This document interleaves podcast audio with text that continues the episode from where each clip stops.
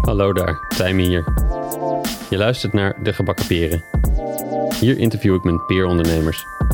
Openhartige gesprekken over hun reis als ondernemer, over de successen en de woestere tijden en wat wij daarvan kunnen leren. Maar juist ook over de persoon achter het bedrijf, over wat hun drijft en wat hun heeft gevormd en hoe het nu echt voor hen is om ondernemer te zijn. Of zoals de titel al zegt, wanneer zaten ze gebakken of wanneer zaten ze met de gebakken peren. Oké, dat is de enige en laatste keer dat ik die grap zal maken. Ondernemerschap is de beste school voor persoonlijke ontwikkeling, maar misschien kun je sommige lessen met minder schade en schande leren door slim te spieken. Of in het geval van podcasts, af te luisteren. In deze aflevering is Karen Poot te gast. Karen is mede-eigenaar van de Fietscourier Utrecht. Door de jaren heen heeft mede Karen ervoor gezorgd dat de Fietscourier Utrecht groeide en professioneler werd. Intussen is ook bij Social Lead bij Social Enterprise NL, een programma om van maatschappelijk verantwoord inkopen de standaard te maken.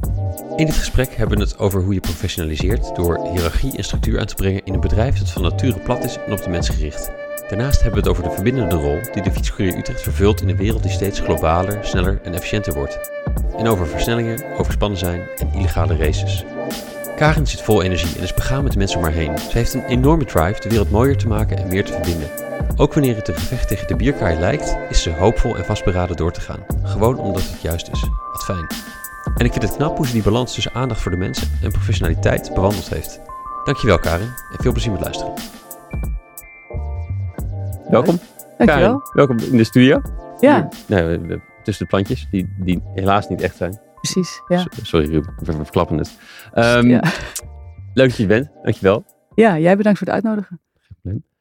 Eh, ik begin eigenlijk al bij mijn gast altijd bij, bij, het op, bij het opgroeien. En, en waar, dus hoe is de nou, jeugd geweest en wat, wat zijn dingen die je gevormd hebben? En. Ik vind het een, een, een leuke manier om daar te starten. Vind ik het, het, het, hoe zag het beeld eruit bij jullie thuis in het gezin aan, aan de eettafel? Ja. Hoe was de dynamiek daar? Hoe was jij eh, Ja. daarin? En waar was dat? Waar was dit? Dit was in eh, Leiderdorp. Eh, en daar, eh, ik ben opgegroeid. daarvan weet ik niet meer hoe we aan tafel zaten in een, in een kleine flat.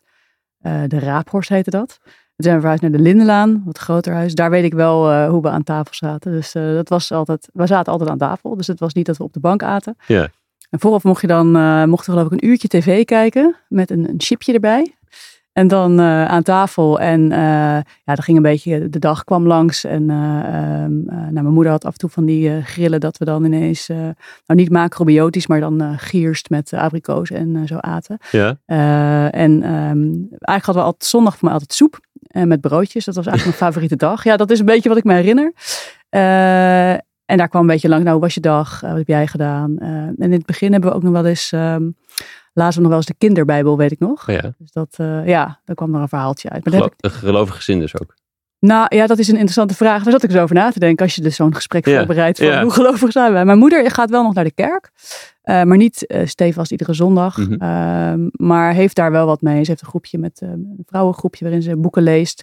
Maar dat kan ook de Koran of de Torah of dingen zijn die daarover gaan. Dus wat meer levensbeschouwing eigenlijk. Ja. En mijn vader, ehm, nou ja, eh, ik zie hem niet actief eh, beleiden, zeg maar. En ik zelf eh, ik, ik ook niet. Nee. Ik denk dat er iets is, maar ik weet niet wat een God is. Of, nee. En heb je broers en zussen? Ja, een broertje. Hij is in fysiek een stuk groter dan ik, maar het is een broertje. Toch broertje? Ja, 2,5 jaar jonger. Ja. En, en hoe, was jij als, hoe, hoe was jij als kind? Nou, ik denk, ja, daar heb ik ook over na te denken. In tegenstelling tot nu denk ik dat ik vooral in het begin wat rustiger was. Wat Hm. meer kat uit de boom kijkend.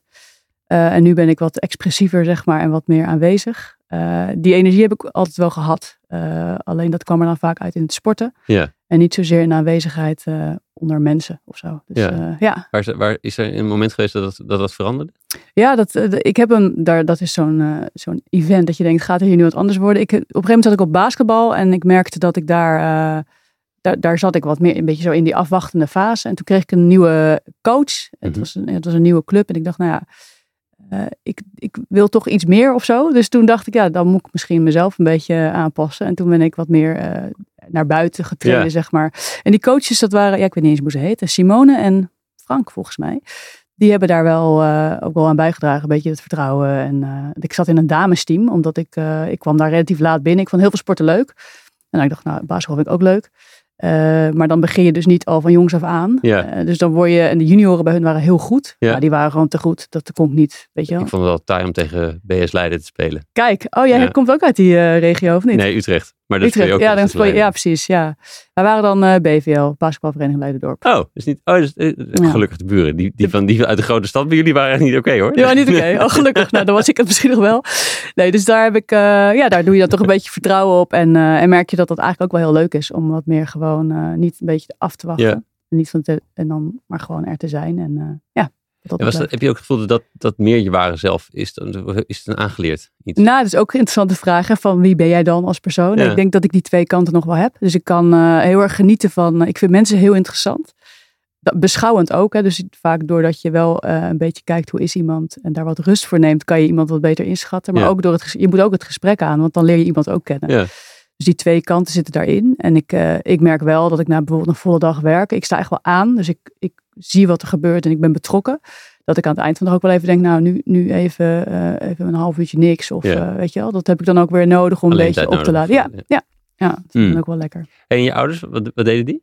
Mijn moeder is eh orthopedagoog. en die werkte, nou ik zat erover na te denken, die werkten allebei eigenlijk vrij lang en steady bij hetzelfde bedrijf. Dus nou, mijn moeder op een school in Woerden. En mijn vader die heeft heel lang bij Rijkswaterstaat gewerkt. Oh ja. Die is natuurkundige. En die deed, ja, hij noemde zichzelf dan innovatiemanager. En, eh, maar eigenlijk heb ik daar nooit heel goed op doorgevraagd. Maar eigenlijk kwamen allerlei nieuwe dingen. Eh, bijvoorbeeld, die, je hebt van die soort rare cat-eye, heet dat in, de, in het eh, asfalt. Die lichten dan op als je er overheen rijdt, dat je Ja. de, weg ziet. Nou, dat zijn van die dingen die bij hem langskwamen. Dus hij dan ging denken, nou, is het wat? Is het En dan, ja, nee, en dan, dan aan de slag. En mijn moeder was vooral op, de, op een, ja, toen heette het nog voor mij een lomschool of een eh, MLK-school, moeilijk lerende kinderen. En daar eh, eigenlijk kijken van, eh, nou, bij de echte probleemgevallen, van nou, hoe kunnen we daarin verder en eh, de begeleiding daarin. Heeft, heeft hun werk jou ook nog op een manier gevormd, denk je? Ehm, even denken. Nou, mijn moeder, ik, heb, ik dacht eerst wil ik dit ook. Dus ik heb, ik heb nou ja, dat heb je misschien op, de, op LinkedIn gezien, de Pabo gedaan. In die zin dat ik dacht, dat is wel leuk hè, om te kijken van kun je kinderen verder helpen en een bepaalde ja, lading of gedachtegoed meegeven waar ze de wereld mee in kunnen trekken. Ja. Ehm, maar dat was hem toch niet helemaal voor mij. Maar dat, dat zat er in, op die manier misschien wel een beetje in. Dat ik dacht van nou, dat is wel echt waardevol. Hmm. En, ehm, en eh, ja, mijn vader harde werker. En dat eh, ben ik ook wel. Dus dat misschien op die manier meegekregen. Ja, ja, ja, ja, precies. Ehm, waren, waren, waren er mensen in de omgeving die, die ondernamen of, of, of, of, of zelfstandig waren of een bedrijf hadden? Nee, dit is ook heel interessant. Want ja, dat, ik wist dat het daarover ging natuurlijk in Ja. deze podcast. Dan denk ik, ja, ben jij nou echt uit een ondernemersfamilie? Nee, dat is niet het eh, antwoord. Ik denk wel dat mijn vader, eh, en net als ik, in, eigen, in andere banen ga je natuurlijk, ben je, kan je ook ondernemen. Dus je kan wel denken, waar liggen hier de kansen en wat vind ik leuk? Zeker. Eh, en dat heeft mijn vader wel. Hij is altijd heel nieuwsgierig aan het kijken van, hey, hoe kan ik dingen dan koppelen en eh, nou, nieuwe dingen bedenken. Ja, Eh, en dat heb ik ook wel. En ik denk dat dat ook wel een basis is van ondernemen, feitelijk. zeker. Ja, ja. Zeker. Ja, met, zo wat je net, met wat je net zei over dat innovatiemanager, dat het, het, het, het nieuwe wel of niet eh, gaan Ja. implementeren of zo. Ja. Eh, mooi. Ehm, ja, dus in het Pabo gaan en daarna ook fysiotherapie. Was, was, was die kant ook, hoe, hoe, hoe, hoe, hoe was die keuze? Nou, de, Eh, nou, dat is ook een interessant. Ik heb de PABO dus gedaan. En eh, ik, was, eh, ik ben in de Bijlmer toen afgestudeerd, zou ik maar noemen. Hè? Dus ik dacht, nou, ja. dit is wel een mooie plek waar je wat kan betekenen. Hè? Maar ook een beetje een pittige plek. lijkt me wel. ja. En toen, ik dacht, nou, ik ga dat gewoon aan, weet je. En toen, ik was nog jong en dus ik dacht, oh ja, dan moet ik nu wel relatief streng. En je moet dan een beetje streng beginnen, zoals dat dan gaat. Dus dat was, ik viel in in een groep 7, daar was een, een de, of een groep 5. En de Peggy, de voorgangster, die was overspannen geraakt. Dus Hmm. ik dacht, oké, hier moet ik dus wel als beginnende leerkracht, en dan wil je nog een beetje leuk gevonden worden, moet ik goed eh, nou ja, streng zijn. Dus nou ja, van die beloningsdingetjes op het bord. En ehm, dat ging eigenlijk heel goed in groep, eh, groep eh, zeven was het toch. En daarna nou, kwam Peggy langzaamaan terug. En of dat nou helemaal mijn eigen identiteit was, dat hele strenge, dat is niet per se wat Hmm. ik ben. Maar dat heb je wel nodig om een soort basisorde te, te scheppen. Daarna ging ik naar groep 5 om daarin te vallen. En daar stond, eh, ik noem het altijd een beetje Napoleon voor de klas. Een kleinere dame, eh, heel strikt. En dat was een hele rumoerige groep. En daar had ik heel, veel moeite om daar de grip op te houden. Dus één op één kon ik dan goed eh, gesprekken aan. er waren gewoon kinderen die al drie keer waren blijven zitten. En gewoon gefrus- gefrustreerd waren eigenlijk over nou, wat dan ook. Dus als iemand dan wat zei, dan nou, letterlijk, dan sloegen ze daarop. Dus dan moest je echt op het schoolplein ja, daar uit elkaar en dan even na blijven praten. Mm. Nou, had je een heel leuk, goed gesprek. Huilen, verdrietig om zijn vader die niet was. Zo. Dus nou, nou, nu heb je een doorbraak. En dan de volgende dag was het weer exact hetzelfde. dus ik dacht, oké, hoe moet ik dit doen? Ja. En eh, nou, dan heb ik, ik zat in een soort bijgebouw in dependance met een andere relatief nieuwe leerkracht. Dus dan wissel je een beetje de, de vervelende kinderen uit. Ja. Eh, ja, dat werkt ook natuurlijk niet. Dus op een gegeven moment dacht ik, ja, dit vind ik echt relaxed. Ik voel me dat ik dit niet kan of zo. Dus dan ga je naar de directrice van, joh, dit, eh, ja, dit loopt nu. Ik kan het niet aan. En dat is best wel heftig. Mm. Irritant. En, en niet aankunnen in de zin dat je, dat je dacht, dit is gewoon te ingewikkeld. Dus dit is te moeilijk. Of is het, is het Ja, ik- ik loop hier ook op leeg? Nou, dat ook natuurlijk. Want je, je zoekt een soort manier om grip te krijgen. Je denkt Mhm. door een goed gesprek aan te gaan dat je dat kan krijgen. denk je, nou, nu hebben, we, nu hebben we hem of nu hebben we elkaar gevonden en snappen wat er aan de hand is. En dan ga je je weer gedragen. Maar zo werkte dat niet. Hè. Dus er zaten een heleboel dingen achter. En nou, Belmer, het was in de Belmer, dat was, ook, ja, dat was gewoon veel problematiek. Hmm. Eh, en dat was denk ik voor ja, een meisje nog of een jonge vrouw uit eh Leiden-dorp toch een hele andere wereld. Waar Ja. ik toch, ja, dat, dat, dat ik er moet wennen dat dat er is. Hè. Dus er was gewoon op een gegeven moment een kringgesprek dat eh, de vader van iemand was eh, vermoord. Denk Ja. je, oké. Ja, Ja, wat zeg je dan? Gebeurt het niet? Nee, nou ja, in mijn omgeving niet. Nee, dus dat is ook best wel een soort, eh, misschien een beetje shocking. Hmm. En ehm, ja, dus dat was wel een reden dat ik dacht, ja, is, ben ik hier nou voor gemaakt? En toen dacht ik, nou, ik, misschien is het fijner om gewoon wat meer één op één. En, maar ik dacht, ik ga eerst lekker reizen. Ben ik op wereldreis geweest. En nou, dan, daar krijg je natuurlijk heel veel vertrouwen dat je dingen gewoon kan en zelf aan kan. Hmm. En superleuke dingen meemaken en mooie, echt mooie dingen zien. En dan kom je terug en ja, dan onderweg dacht ik dan, wat vind ik dan leuk om te gaan doen? En toen eh, ben ik fysiotherapie gaan studeren. Is het ook een verlengde van al die sporten die je ervoor deed? Die fysiotherapie. Eh, ehm, nou, dat was wel hetgeen wat ik leuk vond. En ik wist, was ook zelf vaak ehm mijn duimen en enkels hebben eh, vele klappen gehad. Dus, die, dus in dat opzicht kende ik de fysio ook wel als, als fenomeen. En ja, wat natuurlijk leuk is, is dat je op een relatief korte termijn iemand weer eh, terug kan helpen op de, Hmm. nou, naar het sporten. Ja. En natuurlijk gaandeweg kom je er ook achter dat dat niet altijd lukt. En dat dat allemaal eh, nou, emotioneel voor mensen ook lastig is. Of dat je zelf denkt, jee, mag deze heeft... Ik ben zelf iemand een beetje peper in mijn reet. Dus als iemand dan in een soort van... ehm, nou ja, modus komt van, ah, het kan niet en auw. En het lukt, dan, dat is, nou ja, hoe ga je daarmee om? Hè? Dus eh, dat is heel leerzaam geweest. Ja, en hoe eh, dan?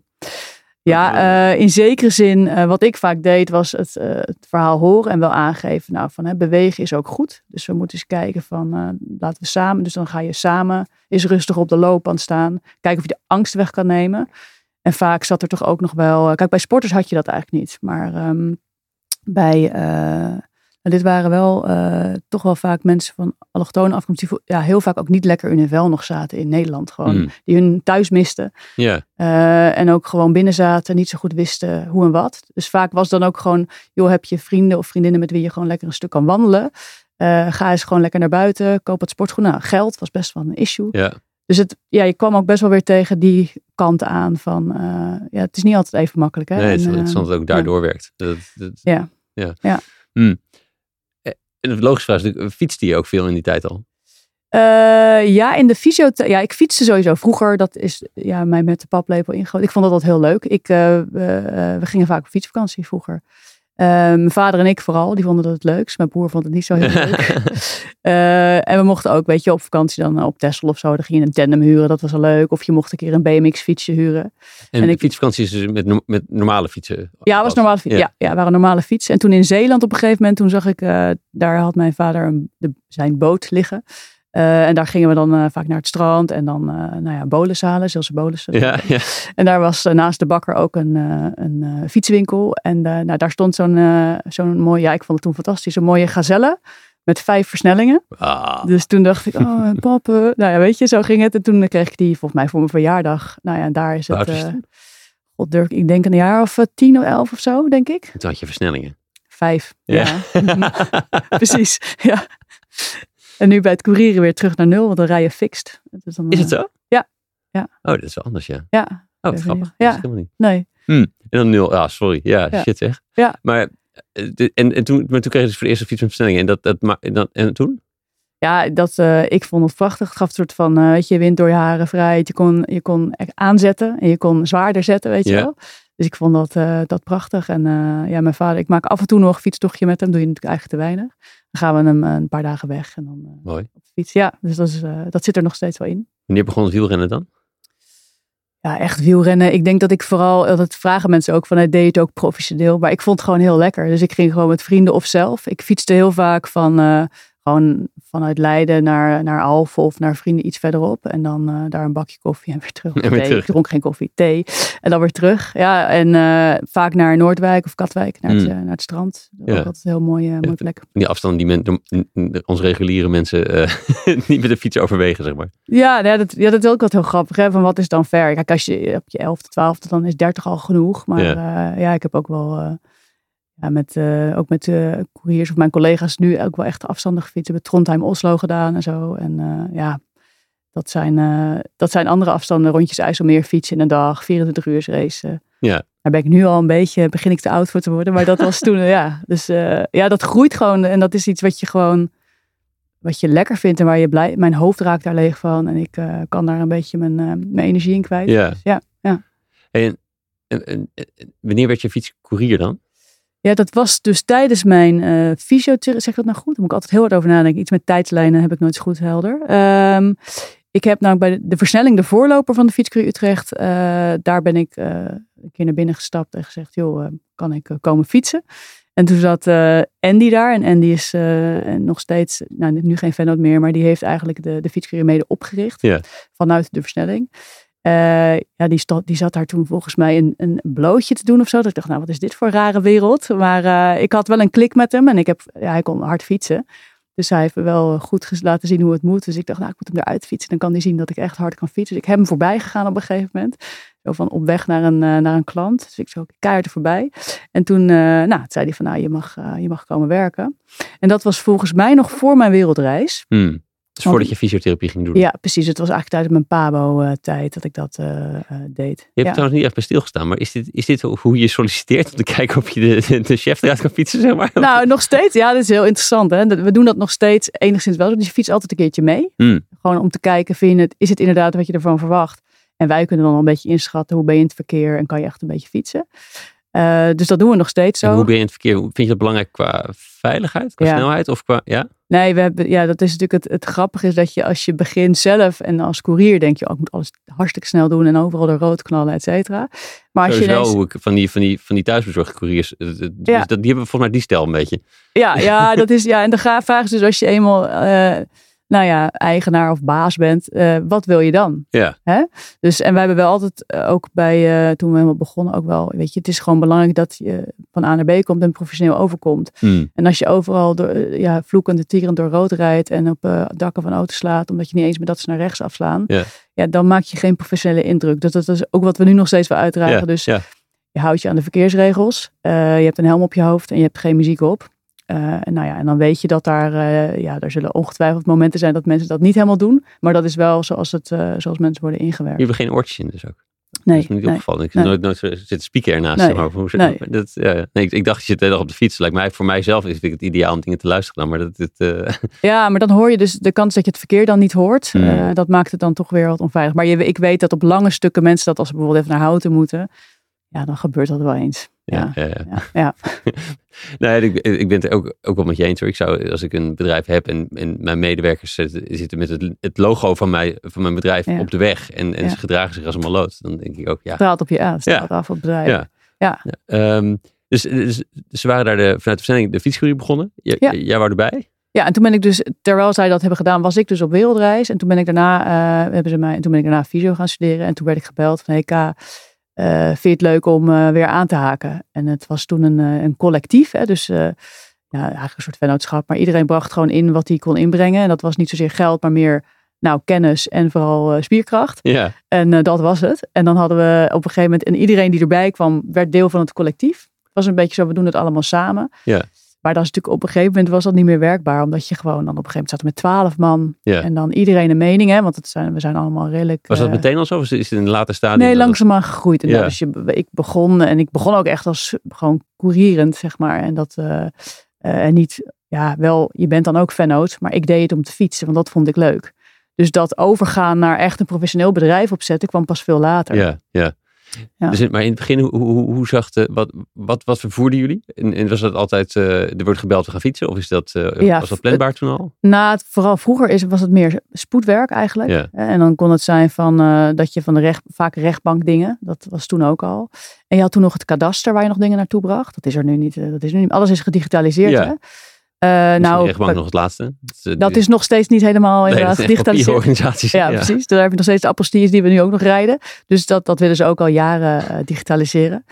Eh, maar dat waren echt wel veel spoedjes en ook echt ja, pakketjes naar consumenten. Dat reed je echt niet. Het was echt B2B, business to business. Ja, Ja. gerelateerd. En was het, waren, ze begonnen met z'n vijven, meen ik maar. Ja, klopt. Ja. En, en, en, en hadden, hadden jullie, of, ook- of nee, toen je erbij kwam, al zo'n pool dat je, dat je eigenlijk altijd paraat kon staan voor zulke poe- spoedjes? Was, hoe werkte dat? Ja, je was, je was er gewoon en je verdien, wat, dat is eigenlijk nu nog steeds hetzelfde. Wat binnenkwam aan geld, dat verdeelde je eerlijk naar rato van wat je gefietst had. En dat Ja. was in het begin niet zoveel, vijf gulden of zo, weet je wel. Dat was nog in de gulden tijd. Ja, ja. Ja, ja.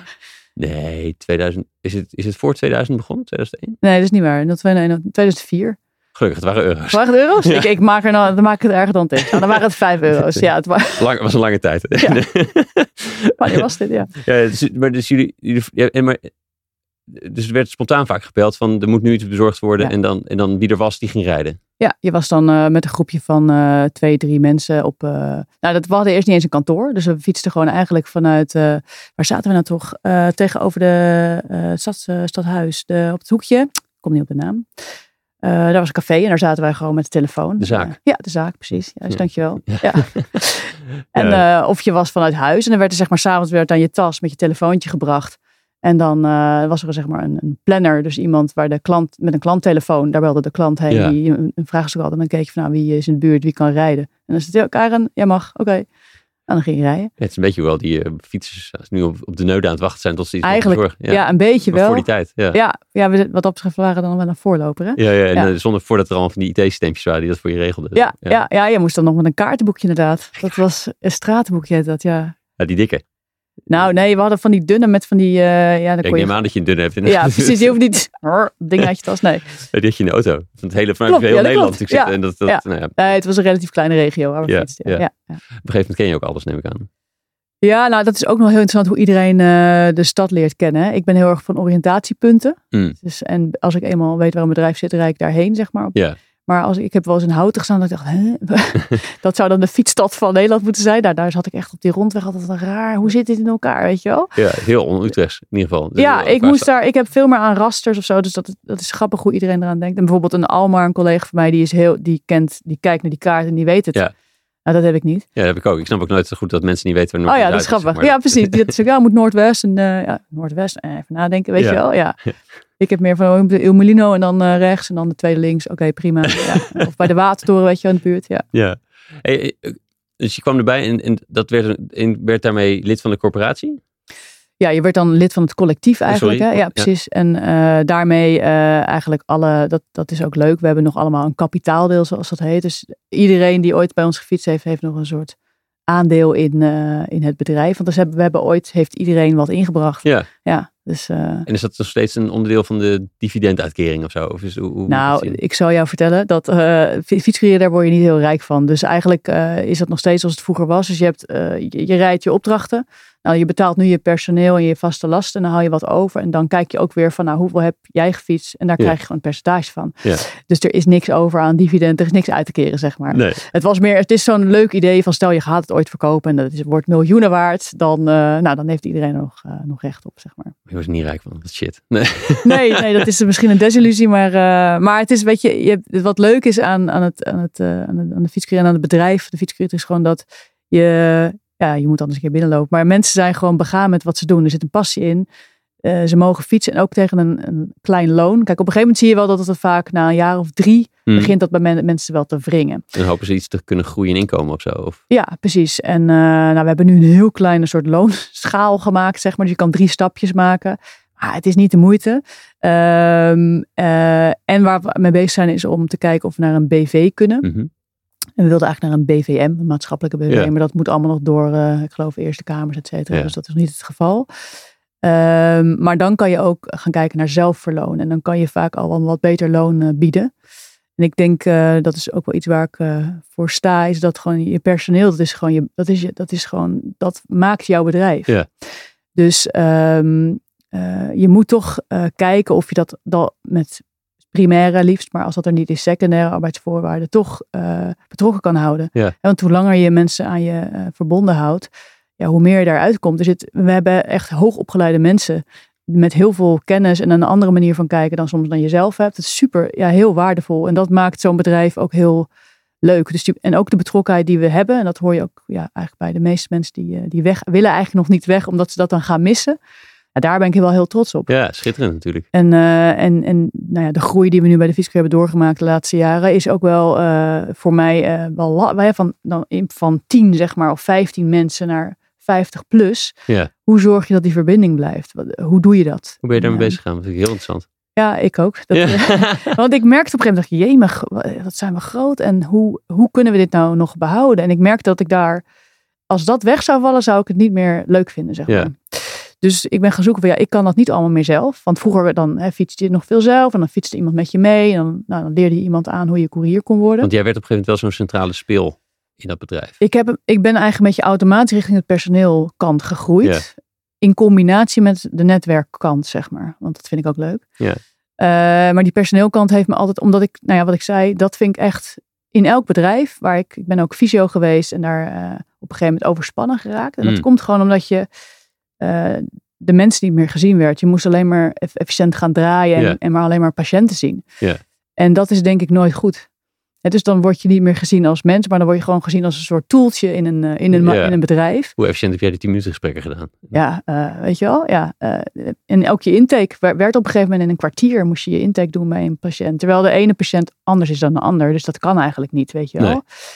Tuurlijk moet daar een zekere ma. Ik snap wel dat daar iets van een soort tijdspad aan moet zitten. Maar ik werd er ook, daar werd ik ook ja, in zekere zin een beetje gek van. Want eh, stel, jij bent al heel ver in je, naar je kruisbandrevalidatie. En jij weet, weet waar de apparaten staan, wat je moet doen. En het gaat verder goed. Hoe is het? Lekker? Ja, prima. Dan ga lekker trainen. En dan zie ik je daar nog even, check je knie nog even. En dan is het klaar. Nou, ben ik met vijf minuten met je klaar. Misschien tien. Maar kom je net binnen, heb je heel veel angst of zijn er dingen? Ja, dan kost het misschien wel, nee, kost het misschien wel drie kwartier. Ja. Wat is dan goede zorg? Dus daar had ik toen heel veel eh, dingen mee. En datzelfde neem ik eigenlijk mee naar, naar eigenlijk nu bij de fietscursus. Ja, want daar is natuurlijk een neiging ook om het heel efficiënt te maken. ja, op een gegeven moment wel. Ja, zeker dat pakketjes. En, eh, maar je, ja, de mensen doen het. En als je niet meer die mens ziet, dan, dan houdt het volgens mij op. En dan Ja. is het voor mij. Dus dat vind ik heel belangrijk dat we die menselijke waarden erin houden. Dus dat is denk ik wel mijn rol eh, binnen het bedrijf om dat te doen. Ja, het, is- het, heel knap, denk ik. Want de, de, de, het, de helling staat de andere kant op van het Ja. bedrijf. Het financieel-economische van het bedrijf staat precies de andere kant op. Gewoon efficiënter. Ja. Dat is. Dus als je Ja. niet oplet, dan ga je dat doen. Ja, maar ik vraag me dus af. stel- je maakt alles heel efficiënt. Dus je wordt een klein radertje in het systeem. Ja, Hou je dan nog je mensen? Of ben je voortdurend nieuwe mensen aan het inwerken? En hoe efficiënt is dat, weet je ja, ja. ja. Hoe is die helling dan? Want dat is ook een glijdende schaal. Korte, lange termijn. Ja, precies. Hmm. En dan ben ik misschien meer van de lange termijn. Nou ja, Ja. nou ja volgens mij, je wil die afweging eens maken, korte, lange termijn. Nee. Het is gewoon, het is niet Ja. wat je wil. Nee, nee, Als ik het zo hoor tenminste. nee. En, en, maar hoe ben je het, en hoe ben je dat dan, ehm, ga- Nou, hoe ben je dat aanpakken? Dat, dat Ja. mensen nog steeds aan, nee, zich thuis voelen als ze komen en een soort ontvang. Ja, dat is dus. We hebben uiteindelijk met. eh, dat vind ik dus ook heel leuk. We hebben dus meerdere mensen in het bedrijf. We vragen dan in de evaluatiegesprekken van joh, dat heet bij ons de mini-kick. Hè, van zijn er dingen waar je blij van wordt naast eh, fietsen en dingen die je wil doen. Als je alleen wil fietsen, ook prima. Maar eh, nou ja, weet ik veel, ben je DJ en wil je een keer een eh, feestje draaien, als dat kan. Hè? Dat is in deze tijd lastig. Dan kan dat. Maar nou, bijvoorbeeld ehm, Sophie, dat is nu een collega waar ik nu de personeelszaak mee op, oppak. Die vindt dit soort dingen heel leuk. Processen, kijken wat kunnen we doen, hoe kunnen we dingen inrichten.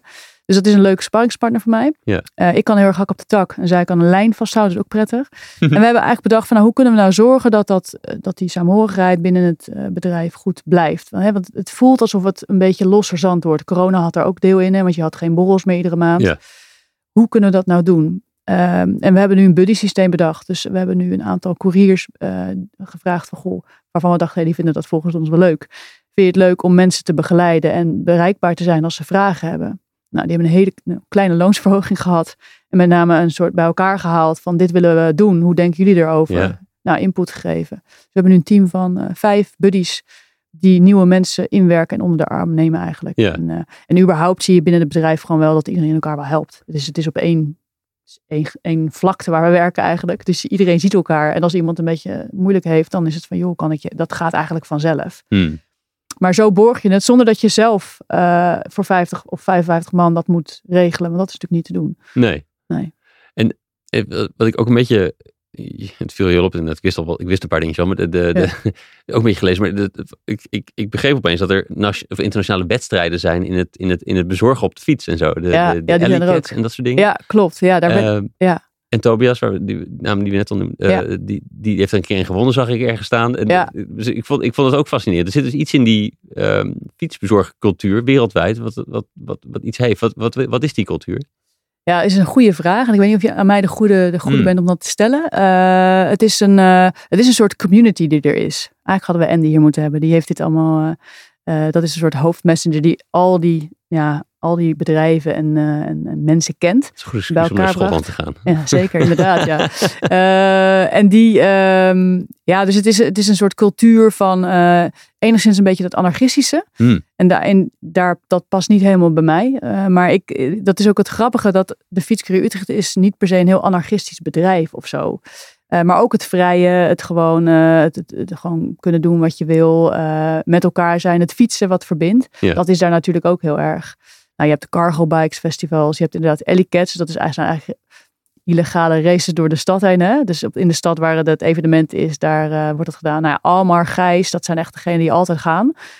Eh, Mark is ook wel geweest. Nou, Tobias heeft volgens mij in Nederland toen nog eh, eh, gewonnen. Hij was gedeeld eerste met Zo, met collega- volgens mij kan Ja, dat het? durf ik niet- weet ik Nee, niet ik weet het ook niet meer zeker. James, Thomas en toen hebben we inderdaad een heel, een heel rijtje fietscouriers die, van ons die dan nou, hadden gewonnen. Dus dat is, Ja. super, dat is super tof. Ehm, en dat, ja, het geeft gewoon aan dat, je, dat je goed kan plannen en vooruit kan kijken. En be- bedenkt hoe je ja, snel van A naar B komt met allerlei obstakels. Je hebt dan momenten dat je dan, je hebt eigenlijk een soort parcours. Wat het, wat het echte, eh nou ja, courieren nabootst. Ja. Dus je hebt plekken waar je naartoe moet. Maar je hebt dan ook dat je fiets gejat kan worden als je niet op slot zet. Dus dan moet je het risico afwegen. Zet ik mijn fiets nu op slot of niet? Weet je wel? Heerlijk. Of je band gaat, wordt lek gestoken. Ja, dat zijn allemaal van die nare dingen. Band wordt lek gestoken. Ja, dan moet je het snel regelen. Dus het is een beetje een soort spelelement rondom het hele fietscourier Oh, eh, ja, wezen. Hm. Ja. Nee, ik was ook wel benieuwd, gewoon, wa- wat maakte dat jij meer zo'n een, een, een, aanwezige rol in het bedrijf ging, ging spelen? Of, want je had ook gewoon lekker kunnen courieren. ja, dat was eigenlijk de eerste reden dat ik eh, ging fietsen. Ik denk, dit is vet. Gewoon, eh, je kan fietsen. Je, gaat, je, je komt mensen tegen. Je bent lekker buiten. En je verdient er ook nog een beetje geld mee. Nou, prima. Eh, dat, de reden dat daar eigenlijk verandering kwam, was een, eh, eigenlijk een professionalisatieslag. En daar zat Pieter Aert, toen malig collega, en Jelle achter. Ehm, die waren echt van het meer van, nou, als we willen professionaliseren, en we willen niet gewoon een beetje leuke fietsende bende zijn, dan moet er wat veranderen. Dus dan moeten we gaan werken aan hoe gaan we om met klanten. We hebben een soort eh, protocolair gaan werken van, nou, hoe neem je de telefoon op? Wat voor systeem hebben we om ritten in te voeren? Ehm, nou, hoe ga je om met, eh, met klanten? Een soort beleid hè, van nou, hoe ga je ermee om? Kleding, eh, tasposters. Waar zag je eigenlijk aan dat dat nodig was? Dus hoe uitte zich dat, de niet-professionaliteit? Nou, het, ja, weet je, we, we waren niet echt heel actief op zoek om eh, dat bedrijf groter te... We waren gewoon lekker aan het fietsen. Eh, en, eh, maar daar, daar zat wel heel veel potentie in. Maar omdat je gewoon lekker fietste, dacht je daar niet echt over na. En, eh, Waarom moest het dan toch professioneler? Want het klinkt ook alsof het prima was misschien. Ja, precies. Nou ja, dat is dus leuk. Als je dus mensen hebt die daar anders naar kijken of daar kans in zien, dan denk je, oh ja, inderdaad, het is eigenlijk best wel cool. Misschien kunnen we er wel weer meer mee doen. En voor mij was het echt iets wat ik deed naast toen eh, het visio zijn. Mhm. eh, eh, wat mij op, gewoon op die manier plezier gaf. Nou, En toen, wat ik al zei, op een gegeven moment vond ik dat fysiowerk werd steeds minder leuk. Hè? Dat leidt uiteindelijk tot een overspannenheid. Maar daarvoor merkte ik al dat ik dacht, oh, ik ga gewoon een dagje minder bij de, bij de fysio werken. En dan ga ik wat meer fietscourieren. Eh, en dan raak je meer betrokken in het bedrijf. En dan zie je inderdaad waar de kansen liggen. Dan ben je niet meer alleen maar aan het fietsen. Maar dan ga je in vergaderingen ook kijken van waar willen we nou naartoe met z'n Ja. allen. Nou, en een Pieter Aert en een Jelle hebben daar echt wel een sturende rol in gehad. Van nou, als we dat willen, nou, dan moeten we punt 1 een pand gaan hebben. We kunnen niet vanuit een, de zaak gaan blijven. Dat werkt gewoon niet. Alleen in naam kan het. We In, in naam, ja, precies. we zitten We zitten op. Dus, wat dat betreft kan het zeker. Ja. Dus nou, misschien moeten we gewoon de zaak opkopen. Nee, ik weet het niet. Ja. Maar, eh, nee, dus, dus eh, nou, eigenlijk daar vandaan ehm, zijn we gaan kijken van welke eh, processen, welke workflows hebben we en hoe kunnen we die in kaart gaan brengen. Hoe gaan we om met nieuwe mensen? Ehm, hoe gaan we om met onszelf? we kunnen eigenlijk niet goed met tien man die overal hun plasje over doen besturen. Hmm. We moeten naar een kleiner team. Wie zijn dat dan? En uiteindelijk heeft Pieter Aert dat best wel goed in kaart gebracht. Hadden we uiteindelijk een pand gekocht. Of gekocht, gehuurd. En toen zei hij van nou, ik denk dat het goed is dat Tobias, Karen en Sjoerd eh, het bestuur gaan doen. En ik ga weg. En ik dacht ik, wat? Ga je weg? Wat is dit? En maar eigenlijk is dat een manier geweest. Want hij dacht, ik heb het nu in gang gezet. Hmm. En nu moet ik loslaten, want anders blijft het bij mij. Hmm. En eh, dus dan word je een soort, eigenlijk een soort ingegooid. En dan denk je, oké, interessant dit. Eh, en hoe ging het tussen de, nou, de andere, ik ben, niet hoe- hoeveel mensen er toen precies waren, maar Ik- de andere mensen die opeens daarmee niet die bestuursrol kregen, hadden nou, ja, moesten precies. inleveren aan zeggenschap Ja, en inspraak. Ja, daar is best nog wel, eh, nou ja, daar is wel eh, wrijving over geweest. En ook wel een goed gesprek. Dus uiteindelijk hebben we daar echt wel goed over gehad van, eh, ziet iedereen dat zitten? En eh, wat betekent dat dan voor de rest? Want je bent natuurlijk gewend dat je allemaal zeggenschap hebt. En Ja. dat valt dan ineens in zekere zin weg.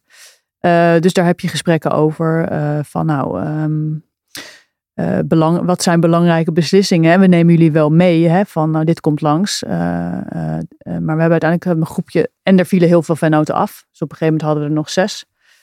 Nou, en dan heb je goede gesprekken van, nou, wat is jouw rol?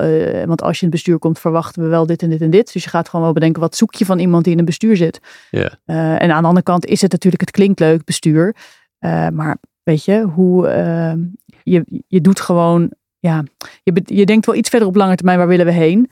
Maar uiteindelijk is het gewoon je werk wat je altijd al deed. Ja. Dus er verandert, qua titel verandert er wat, maar verandert er nou echt wat? Aan de ene kant ja, want je gaat meer, wat meer beleid maken en denken waar wil ik heen. Aan de andere kant houdt iedereen eigenlijk gewoon zijn rol. Je, je had dus dan eh, drie van de zes overgebleven vennoten die werden bestuur. En de andere Ja. drie niet. Nee, precies. Ja. En dus, maar de verandert is misschien dus niet in, de, in je formele takenpakket heel veel. Want je moet een paar dingetjes doen, maar nou, wat is dat nou? Ja. Maar wel in de, in, ook, ook omdat je beschrijft hoe belangrijk die een beetje bij een familiaire sfeer is. Ja, ja, dus verandert iets in de, in de onderlinge relatie, in de dynamiek misschien. Ja, ja, en dat is ook dat, want dat zijn, en dan medewerkers zijn eigenlijk wat dat betreft nog wel makkelijker dan misschien je vennoten. Mhm. Want dat is dan je naaste familie.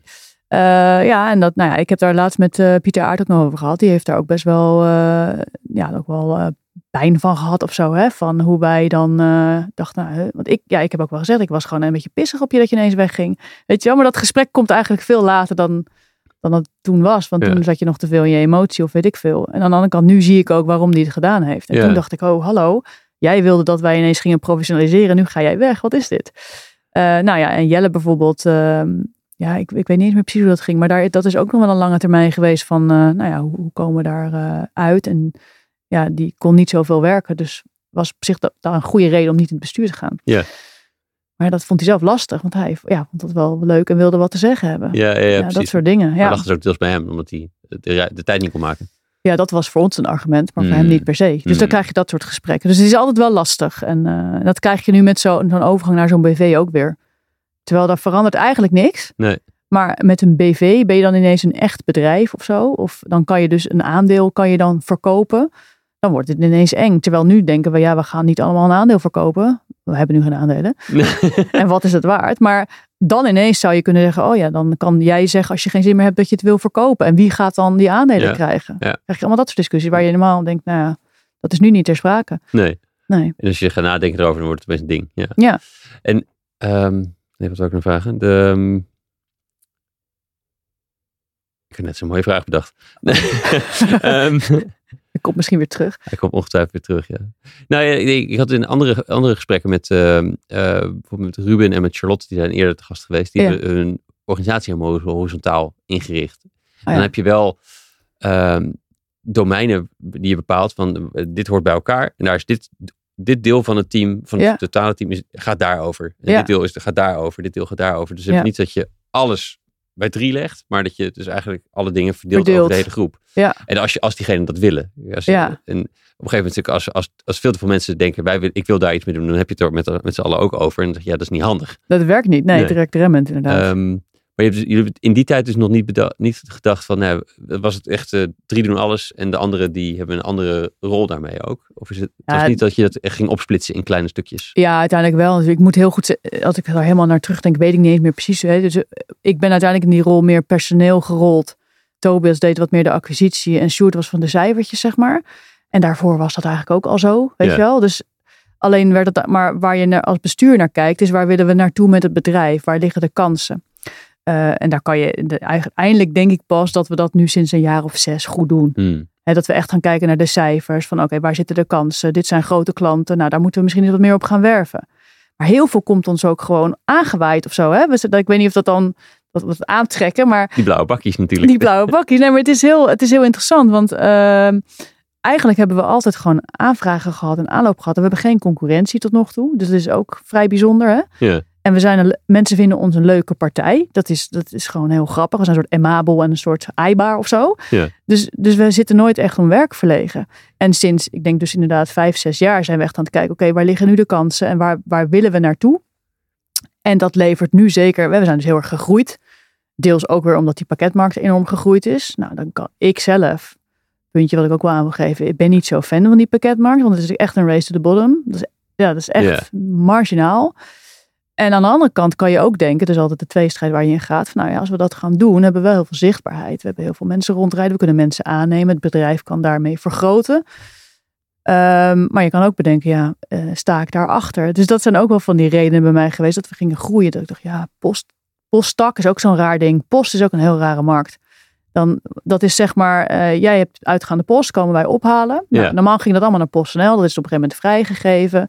En nu zijn er allemaal een soort inkoopvoordelen ontstaan bij grote partijen, waar wij ook weer op mee kunnen liften. En we hadden al, al tijden terug, waren Sjoerd en ik een keer bij Tour de Wiel langs geweest, want die hadden, op een of andere manier hadden die altijd heel veel geld. Dus wij dachten, hoe kan dat nou? Want doen die nou heel veel anders dan wij?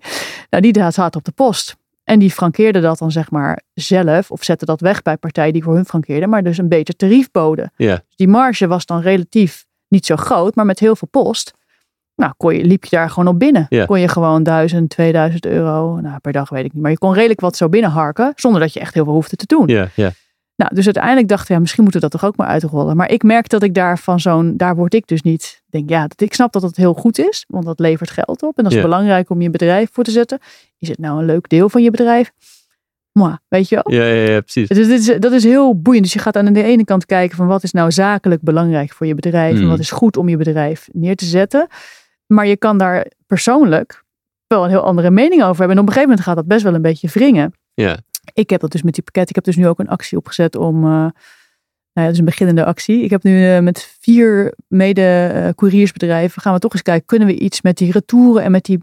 eigenlijk dat consu, ja, aan het consuminderen gaan werken. Ja. Want het is natuurlijk leuk dat wij die green last maal doen. Maar dat is allemaal greenwashing. Want uiteindelijk moeten mensen gewoon niet zoveel bestellen. Ja.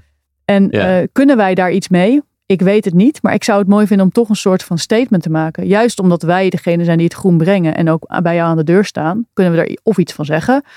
Of we kunnen gewoon als partij zeggen van joh, eh, we moeten hier iets mee. Ja. Hoe weet ik nog niet, maar dat, Nee. daar kan ik me dan heel erg druk op maken van Ja, jemig, het. komen, Ja, ja, ja, dan ja. denk ik daar moeten we wat. Dat is, dit is niet de manier waar we daar, moet, daar moeten we niet naartoe. Die Nee. pakketmarkt moet gewoon uit, langzaamaan uitdoven. Is misschien onwerkelijk, maar ergens zit daar natuurlijk de crux. Want ik, ik, ik heb diezelfde allergie als ik bijvoorbeeld zo- zo'n bedrijf als Gorilla zie komen. Dan denk ik, Ja. hoe, hoe de, waarom moet je in godesnaam je, je Ja. chipjes binnen een kwartier hebben? Tien minuten, hè? Oh, sorry, tien Ja. minuten. Ja, ik heb het dus nog nooit Nee, geprobeerd. Ik, ook niet, maar Als ik het dan vergeet ben, is prima. ja. Ehm, eh, maar waarom moet alles sneller, makkelijker, et cetera? Dus is Ja. het, want het is helemaal niet, hand, het is helemaal niet nou, eh, gewoon puur logistieke inspanning. Niet efficiënt om iedere keer naar een los huis te gaan, volgens mij. Nee, het is niet efficiënt, hè? Nee, dus het grappige is dat die wereld draait op efficiëntie. Dit is niet efficiënt, dus er zit ergens gewoon heel veel geld achter. Ja. En we gaan mensen dan afhankelijk maken eh, van de snelheid. Het is on demand, hè? Dus dat is allemaal hip en happening. Ja. Nou, er, zitten gewoon, er zijn mensen die gewoon te veel geld hebben, die investeren hierin. Er blijft één partij over. En die gaat markt goed cashen. Ja. Ja. dat is het volgens mij. En dat vind ik best wel, dat vind ik triest. Maar kan, ik, kan ik treurig worden. Ja, Ja. Eh, het is een beetje een Gallisch dorpje intussen. Wat, wat het staande houdt jullie? Als in een soort andere partij. Ergens wel, ja, ja, ja. ja. Hoe, hoe, eh, hoe verklaar je dat het blijft lukken trouwens? Want, eh, Nou, wat, ja, dat is eigenlijk toch dat het lokale is tegenwoordig best in, zou ik maar Mhm. zeggen. En we bestaan natuurlijk ook al heel lang. Net, net niet voor de euro, maar 2004. nee, nee. Maar dat is natuurlijk al een hele lange tijd. Dus we zijn toch wel een bekend gezicht bij veel bedrijven. Eh, we hebben echt hele trouwe klanten die Ja. gewoon blijven. Eh, en we zien ook nu wel, we zijn toch ook wel met goede kansen bezig, maar dan meer eh, lokaal gericht. En we hebben ook met eh, Libertas Pascal eens gekeken, kunnen we iets met de samen is leuker doen. Dus gewoon die verbinding meer zoeken. Dat is iets wat we toch heel mooi vinden. hmm, Wat niet per se een winstgevend bedrijfsmodel is. Maar waar we wel, daar zitten we, daar, in die hoek zoeken we heel erg. Van hoe kunnen we, eigenlijk zijn we een verbindende partij. Want wij leveren een pakketje van A naar B. We merken dat we lokaal werken heel leuk vinden. Dat is vaak met kleinere bedrijven met minder, veel, ja, minder geld. Eh, maar daar zit wel de energie. En eh, daarnaast hebben we gewoon eh, nou ja, de post en de pakketten. Om Ja. het een soort van basisinkomen te hebben. Dat is toch handig. En dan kan je daarnaast een beetje kijken van wat vinden we dan leuk. Nou, daarnaast hebben we, weet je, medisch doen we voor apotheken heel veel spoedwerk. Ehm, en dat is, ook een, dat is ook een belangrijke bron. Kan je ook van zeggen hoe goed zijn medicijnen. Eh, maar het voelt wel als een markt die, wat, hè, die is wat waardevoller dan de, ja, de Zara's en de H&M eh, Ja.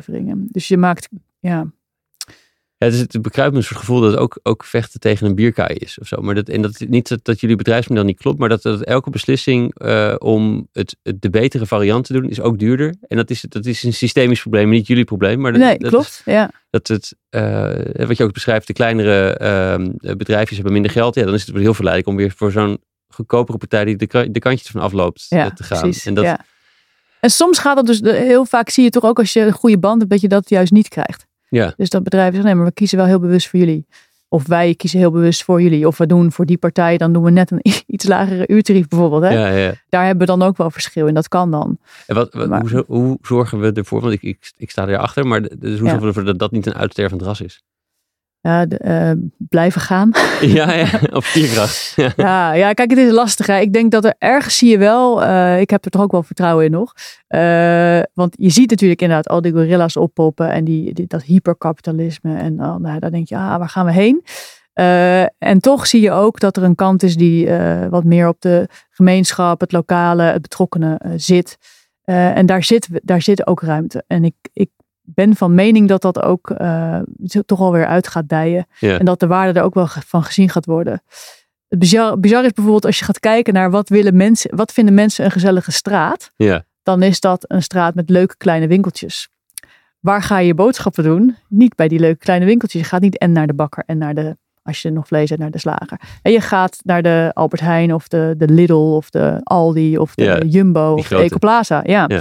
Eh, en daar zit natuurlijk ook, dus ook wij als consumenten moeten daar ook gewoon bij stilstaan. Onze keuzes hebben gewoon effect op hoe je de stad eruit ziet. Ja. Je wil niet allemaal flinks en gorillas in je straat hebben. Dat is super ongezellig. Nee, het is, het, is, grappig om te zien dat bijna alle gemeentes in Ja. Nederland hebben alleen nog maar die standaard winkels over. ja. Dus de, maar dat de- komt door ons. Ja, ja, ja. ehm, en, en, en ja, ik vind, is- en er zit iets risicovols aan het alles bij de individuen leggen. Want daardoor is de, Ook, ik ja. kan, ons komt de regelgeving of Ja. de, wat ik vind, de verantwoordelijkheid van een bedrijf om het juiste te doen. En dat, ik vind dat. Friedmaniaans van het is alleen maar om waarde voor de aandeelhouders te creëren, vind ik echt een grote farce. Ja, dat klopt. Maar dat gebeurt wel veel. Ja, ja. ja. ja, hoe kom je daar vanaf? Ja. ja dus ik, ik, ik, denk, je, ik denk dat ik, dat, eh, dat ik daar net zo hoopvol in ben als jij, dat het eigenlijk een cultuuromslag is. Ja, Ehm. ik, en die, daar, daar is iets, hè? Want je, je merkt aan alle kanten dat piept en kraakt. Het gaat of de verkeerde kant uit, maar er gaat in ieder geval iets veranderen. En eh, ja, hopelijk op tijd. Daar hoop ik nog steeds. Ja. op. ja, ja. mooi. Ehm, hoe, je overspannen periode. Heeft, Ja. heeft- hoe, hoe, ben je daarna, hoe is dat, hoe is dat goed, weer goed gekomen? Eh, nou, het grappige is dat je dat dus in zo, op zo'n moment niet per se doorhebt. Achteraf denk je, oh ja, eigenlijk wel. Dus ik, was al, ik merkte al dat ik in die fase dacht, ik vind het niet meer zo leuk. Ik merk dat ik geen energie meer van krijg. Ik ben alleen maar continu patiënten aan het draaien. Eh, dus ik merkte dat ik dus dacht, ik ga minder bij de, bij de fysio werken en meer fietscourieren. Dat Ja. was een manier om weer even wat balans krijgen. Dat lukte dan even. En vervolgens dacht ik, ah, ik vind het echt heel stom. Dan ben ik nou de enige die dit zo vindt. En toen dacht ik, nou, ik wil, misschien wil ik wat anders gaan doen. Zo begon het. Maar ja, wat ga je doen? En toen dacht ik, oh ja, misschien, want ik vind mensen, dat vind ik leuk. Hè? Dus ik hou van mensen. Ik dacht, maar die hulpverlenende rol, vind ik die nou nog leuk? Dus toen dacht ik, nou, ik ga eens met zo'n, eh, ik, in mijn kring zat een, eh, een outdoor coach, heette dat. Dus ik dacht, nou, ik ga er eens langs, kijken wat zij doet en of ik dat leuk zou vinden. Maar die begon een beetje in mij te prikken. Dus op een gegeven moment zat ik daar, ze zei, want zij zei, je bent je werk. En dat kwam zo hard binnen. Dacht ik, maar ik ben mijn werk. Nou, dus het, op een manier raakte dat heel Wat erg. bedoelt het ermee? Nou, dat ik dat ik er, ik was niks anders dan mijn werk. Mijn werk was ik, Hmm. weet je wel. Dus je bent dan eigenlijk je mens zijn kwijt of zo. Ja. Dus dat kwam toen zo binnen dat ik dacht, oh mensen. Dus toen schoot ik helemaal vol. En toen zei ze, ja, jij bent gewoon overspannen. En toen zei ik, ik ben gewoon overspannen. Helemaal niet. Nou ja, erover nadenken. Nou, dan moest ik dan mijn leidinggevende gaan bellen. En toen ben ik eigenlijk zo'n traject ingegaan van, eh, wat zijn je, je patronen die je normaal hebt. Hè? Dus bij mij is dat gewoon, gewoon blijven gaan. Dat kan ik heel goed. Poep, poep, treintje Ja. aan gaan. Uh, en dan leren van, oh ja, wanneer voelt dat dan eigenlijk niet meer goed? En hoe zorg je dan dat je dan even uit dat treintje gaat en even stilstaat. Eventjes uh, die momentje voor jezelf pakt. Um, dus dat is langzaam een soort, dat is een soort inzichtproces geweest. Um, toen ben ik langzaamaan weer teruggekeerd in de fysiowereld. En toen merkte ik dat ik dacht, dat pakt me niet meer of zo. Ik heb daar Hmm. niet meer de verbinding mee. Maar wat heel leuk was, volgens mij was toen de Tour de France. Ik ben, komt die tijd weer. Die was toen, die kwam er toen aan. En als fysiobedrijf dacht, oh dat is leuk om iets mee te doen. Karen, is dat niet iets voor jou om een beetje uit te pluizen? Dan hoef je niet zoveel met, met die patiënten, maar dan... En dat vond ik super. Ik ging ineens met de sportartsen kijken. Wat zijn mogelijkheden van het jullie? Kunnen we een soort pakket aanbieden om mensen nou, op een soort manier te testen, zoals we bij de Tour de France doen? Of een soort rapportje te maken en een trainingsadvies die ze Hmm. dan kunnen opvolgen in de fitness. Dus ik begon allerlei dingetjes te verbinden. Ik kreeg heel veel energie van. Ik dacht, nou, dit is leuk. Daar moet ik iets mee doen. Ja. En ik denk dat toen ook in mijn hoofd opkwam dat dat netwerken eh, misschien ook wel iets Ah, voor mij was. ja. En dat kwam ook weer samen met dat, dat eh, Tobias, die viel toen uit doordat, eh, ja dat was ook al heel heftig, dat meisje toen, die Anne, die toen, die was toen eh, verkracht door zo'n eh, psychiatrisch patiënt en zo in de bossen gevonden, allemaal moeilijk. Nou, via via kende hij haar. Zij heeft meegedaan in die zoektocht, verloor heel zijn hoop in de mensheid. Mm, Echt heel heftig. En hij deed altijd acquisitie en netwerken. Maar hij viel weg. En lang, meer dan een half jaar volgens mij. Dus toen dacht ik, nou, nou, dan ga ik het wel doen. Ja. En ik vond het superleuk. En ik kreeg er heel veel energie van. En ik had veel, nou, ik had veel lijntjes en er kwam veel uit. Dus toen dacht ik, hey, dit is tof. Dus eigenlijk denk ik dat dat een soort van langzaamaan verloop gegaan is van eh, eh, overspannen. En daardoor bedenken, wat wil ik nou eigenlijk? En wat vind ik leuk? Waar krijg ik energie van? Ja, of dat dan toeval is, weet ik niet. Of het bestaat of niet. Ja, je bent getrokken naar de dingen die je energie gaven. Ja, horen. ja. En, de- en was dat stilzitten ook nog iets wat je moest leren of zo? Wat je intussen beter lukt? Ja, dat, het, begint- het lukt me iets beter. Ik zie je maar- ogen gelijk zo, zo'n Ja, twist maken. Ja. Moeilijk stilzitten. ja. Eh, nou ja, dat is inderdaad wel. Ik denk dat dat wel. eh, dat geeft wel. Is nuttig om te bezinnen. Van waar ben ik nou mee bezig en is dit het nog?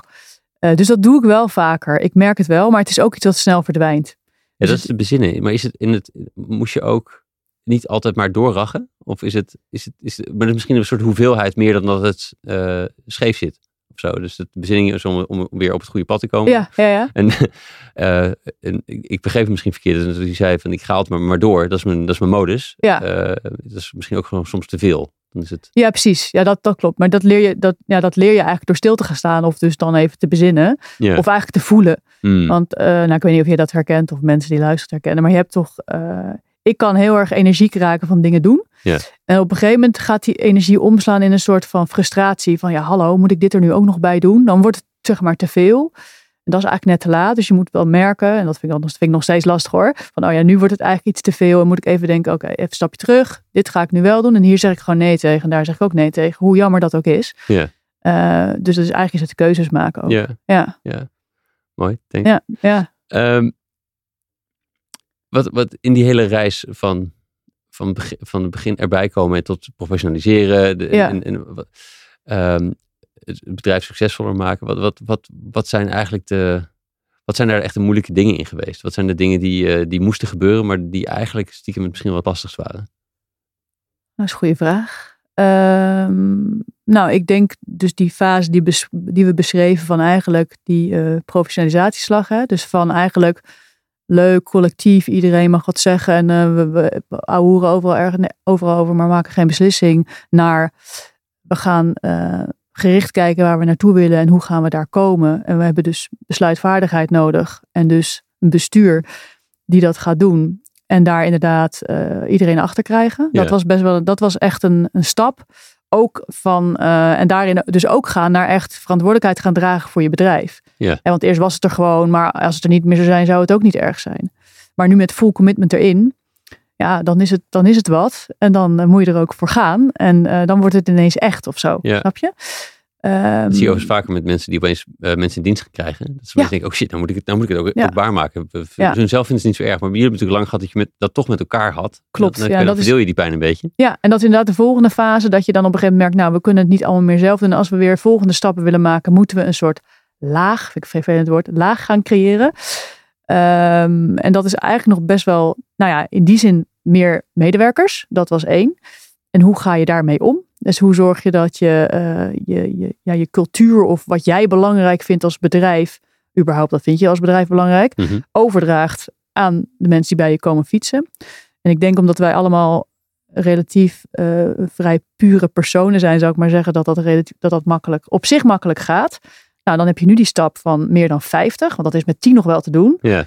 Maar daarna denk je, ja, jemig, eh, dat kunnen we allemaal niet zelf meer controleren. En als wij zelf acquisitie, netwerk en die personeelszaken goed op orde willen hebben en de administratie, ja, dan moet er misschien wel iemand bij of zo. Nou, dat, die fase hebben we nu, denk ik, zijn we een jaar of drie, vier geleden, dat we een, een floor manager aan hebben genomen. Nou, holy mac, hè, dan moet je dus ineens iemand gaan inwerken op dingen die jij als een soort van zelf doet. Ja. Nou, super moeilijk. Dus Ja. dan moet je een soort gaan bedenken. Oké, dus nu hebben we functiehuizen. Nou goed, we zijn helemaal losgegaan. Eh, en dat is, deels is dat dus leuk. Ja. En deels is het ook helemaal ruk. Want dat is helemaal niet wat wij zijn eigenlijk. Heel ja, eh, netjes Het is geproduceerd. altijd moeilijk gaan kijken waar deze Ja. woorden en zo. Ja. Ja. Ja, maar aan de andere ja, dit, dit is, dat is dus een, best wel een zoektocht, vind ik. Van, en, het, en het nadeel van een bedrijf hebben en groeien is dat je, als je het allemaal zelf doet met elkaar, prima. Hè, dan kan je, je kent elkaar, je kan elkaar een beetje op wijzen. Eh, je moet ook wel boos op elkaar, hè, dingen elkaar durven zeggen. Dat is Mm. ook nog wel eens lastig. Eh, maar zodra je mensen in dienst gaat krijgen, wat jij ook zei, en wat dus meerdere mensen zeggen, wordt het best een ding. Want hoe zorg je dan dat de filosofie of het idee wat jij van je bedrijf hebt overeind blijft? Eh, terwijl jij er meer langzaamaan los van raakt. Dus dan moet je het, je moet het los gaan laten eigenlijk. Je moet het over gaan dragen. Eh, en dat, dat, nou, we zijn gewend dat in protocollen, werkwijze en dat soort dingen te doen. Maar dat voelt toch minder persoonlijk. Ja. Nou, en dan heb je nu dus dat buddy systeem. Dus dat zijn dingetjes. En ik denk, ehm, eh, ja, en die, en die floor manager, dat is weer een soort nieuwe taak. Eh, want je hebt couriers, nou dat is relatief simpel op zich. Ja, je moet van A naar B of nog met heel veel tussendingen. Maar zo'n floor manager, wat verwacht je daar nou precies van? En ook een grote fout is dat wij dachten, nou, als we die floor manager hebben, dan kunnen wij eh, gewoon lekker ons ding doen. Nee, die moet je inwerken. Ja. En die moet je duidelijk maken, die, is, die komt van buiten die cultuur. Dus die moet helemaal leren hoe het is. Want het was niet één fietser die dat, die dat werd. Nee, dat is wel wat, wat vaak toch fijn is, hè, om vanuit je eigen pool, zeg maar, te Ja. vissen. En soms lukt dat. Hè. Met Sophie is dat, dat, is, dat werkt heel fijn. En eh, nou, we hebben eh, Jolijn, die heeft een eh Benneker training opgezet. Ook heel leuk. Die we ook nog inzetten om een soort van rust in je courieren te krijgen. En een soort van, even als, je, als je dan iets overdraagt, even een momentje van contact te hebben. Dus dat is die aandacht en die verbinding waar we voor staan. Ehm, maar ja, nu moet je, ja, het is, ehm, ehm, ik weet niet meer wat je vraag was. Maar nou, nu, het eh, is ja. wel de hoop dus uiteindelijk dat die, dat die floor manager dat soort, dat soort Ja, dingen eh, heel zelfstandig eh, doet, zodat jullie weer vrijgespeeld zijn. Juist, en dat is, dat is dus lastiger dan je denkt. En dat ligt dus, het grappige is dat dat dus niet alleen aan de persoon, maar ook aan ons ligt. En we hebben nu dus eh, een hulp ingeschakeld om daar eens naar te kijken Hmm. met z'n allen. Eh, omdat wij ook wel zien dat wij gewoon dingen bij hem over de schudding flikkeren. Waarvan je denkt, ja, als wij al niet precies weten hoe we het eigenlijk doen, hoe moet hij dat dan weten, weet je wel? Eh, dus dat is ook wel, het geeft ook weer eh, veel inzicht in je eigen ehm, manier van handelen. En je eigen persoon en je eigen bedrijfsvoering. En hoe ga je dat met die hulp nu aanpakken? Want ik ben dus het, Nou, wel mijn interesse. Dus- Ja, heel goed. Nou ja, ik kan je daar later meer over vertellen. Wordt vervolgd. Nee, we hebben, vervolgd. Het is nog live dit. Nee, nee, het is, het is nu in. Dus, eh, we hebben nu een, een Pieter Aert, diezelfde uh, courier, die heeft een communicatie- en, een trainingsbedrijf, coachbedrijf. Dus Mm. daar heeft hij nu kennis mee gemaakt. En eh, hij ziet kansen en wij, eh, wij ook. Dus we hopen dat we dat traject aan kunnen met z'n allen. En dan eh, zorgen dat we ja. ja, elkaar snappen en elkaar kunnen vinden. En ook elkaars krachten inzien. Want hij heeft echt supergoeie ideeën. Eh, alleen, ja, het komt er niet helemaal uit. Dus Mm. dat is... eh, ja, en het zit dus ook deels bij jullie, zeg je. Dat is, dat is wel mijn mening, ja. Ja, ik denk dat wij eh, zijn natuurlijk ook redelijk dichtgetimmerd. Wij doen dit al sinds eh, 2004. Ja. En we hebben natuurlijk wel groei doorgemaakt. En nou ja, dat is ook nog wel een goed punt. Van op een gegeven moment, dat heb ik mezelf ook wel afgevraagd. Dat vraag ik mezelf nog steeds wel af. Zit je nog op de goede plek? Mhm. Hè, nu. Eh, want een bedrijf wat heel erg verandert, eh, dat, daarin moet mee veranderd worden. En ben jij dan, als je dat niet kan als persoon, Ja. ben je dan nog de goede? En eh, dat is ook een reden dat ik nu een, een baan ernaast heb. Met Ja. een baas. Dat is heel erg ja, hoe was dat? Ja, ja dat, is, dat is aan de ene kant, dat is grappig hoor. Dat is aan de ene kant fijn, want je hebt gewoon, je hebt uren die draaien en je krijgt betaald. Een vast bedrag per Een maand. Rare uitvinding, hè? Heel Ja. vreemd. Ja. Maar je hebt ook iemand die zich bemoeit met wat jij allemaal wil doen. Dat is Nou, Stefan. Of is dat hierbij? Nee, dat is eh, Mark in mijn geval. Mark, oh. ja, ja. Ja. Ja. Ehm, Grappig, die ken je ook. Zijn die hier ook geweest? Stefan is hier nog niet geweest. Nee, nee, Oh, nee. nou, ik, ik ken hem Stefan? uit een ander verleden. Maar dat is, eh, toen hebben we, het is een lang verhaal, maar dat is- we hebben met de Fact Club, toen werkte hij nog bij de publieke zaak. Toen hebben we daar samen dingetjes in gedaan. Oh joh. Dus ik moet, het is een leuk excuus om weer even op te zoeken. Ja, precies. Ja, Ja. goeie. Ehm, nee, maar het is, je bent een paar keer wel door, doorontwikkeld naar een nieuwe rol. En op, en Ja. nu op een gegeven moment komt, komt dus, is er dus een punt gekomen dat je besluit, ja, ik, ik, ik, ik, ik ga ook weer een beetje naar buiten. Ja, ja. Dat is, ik dat vind het, proces gegaan? Ja, dat zijn altijd leuke vra- procesvragen. Ik denk, eh, ik ben altijd al wel, eh, ook eerder al, heb ik wel eens initiatief genomen om een soort van, ehm, dat ik zei, ik zit, we zitten vast met z'n drieën. We moeten nieuw, nieuwe inzicht of zo hebben. Dus heb ik een soort, ja, dat was een kortdurende stuip, maar eh, iets van eh, ehm, motivatie, inspiratiesessies geregeld. Hebben een keer met iemand van de, eh, hoe heet dat, die het grote ding, provinciehuis, eh, gepraat, hoe die dingen aanpakten. Dat was dan een vader van een vriendin van mij, weet je wel. Dus gewoon eens, laat iemand anders eens, laten we eens praten over wat we doen en eens kijken hoe iemand daarover denkt. Waarom vond je dat jullie vast zaten?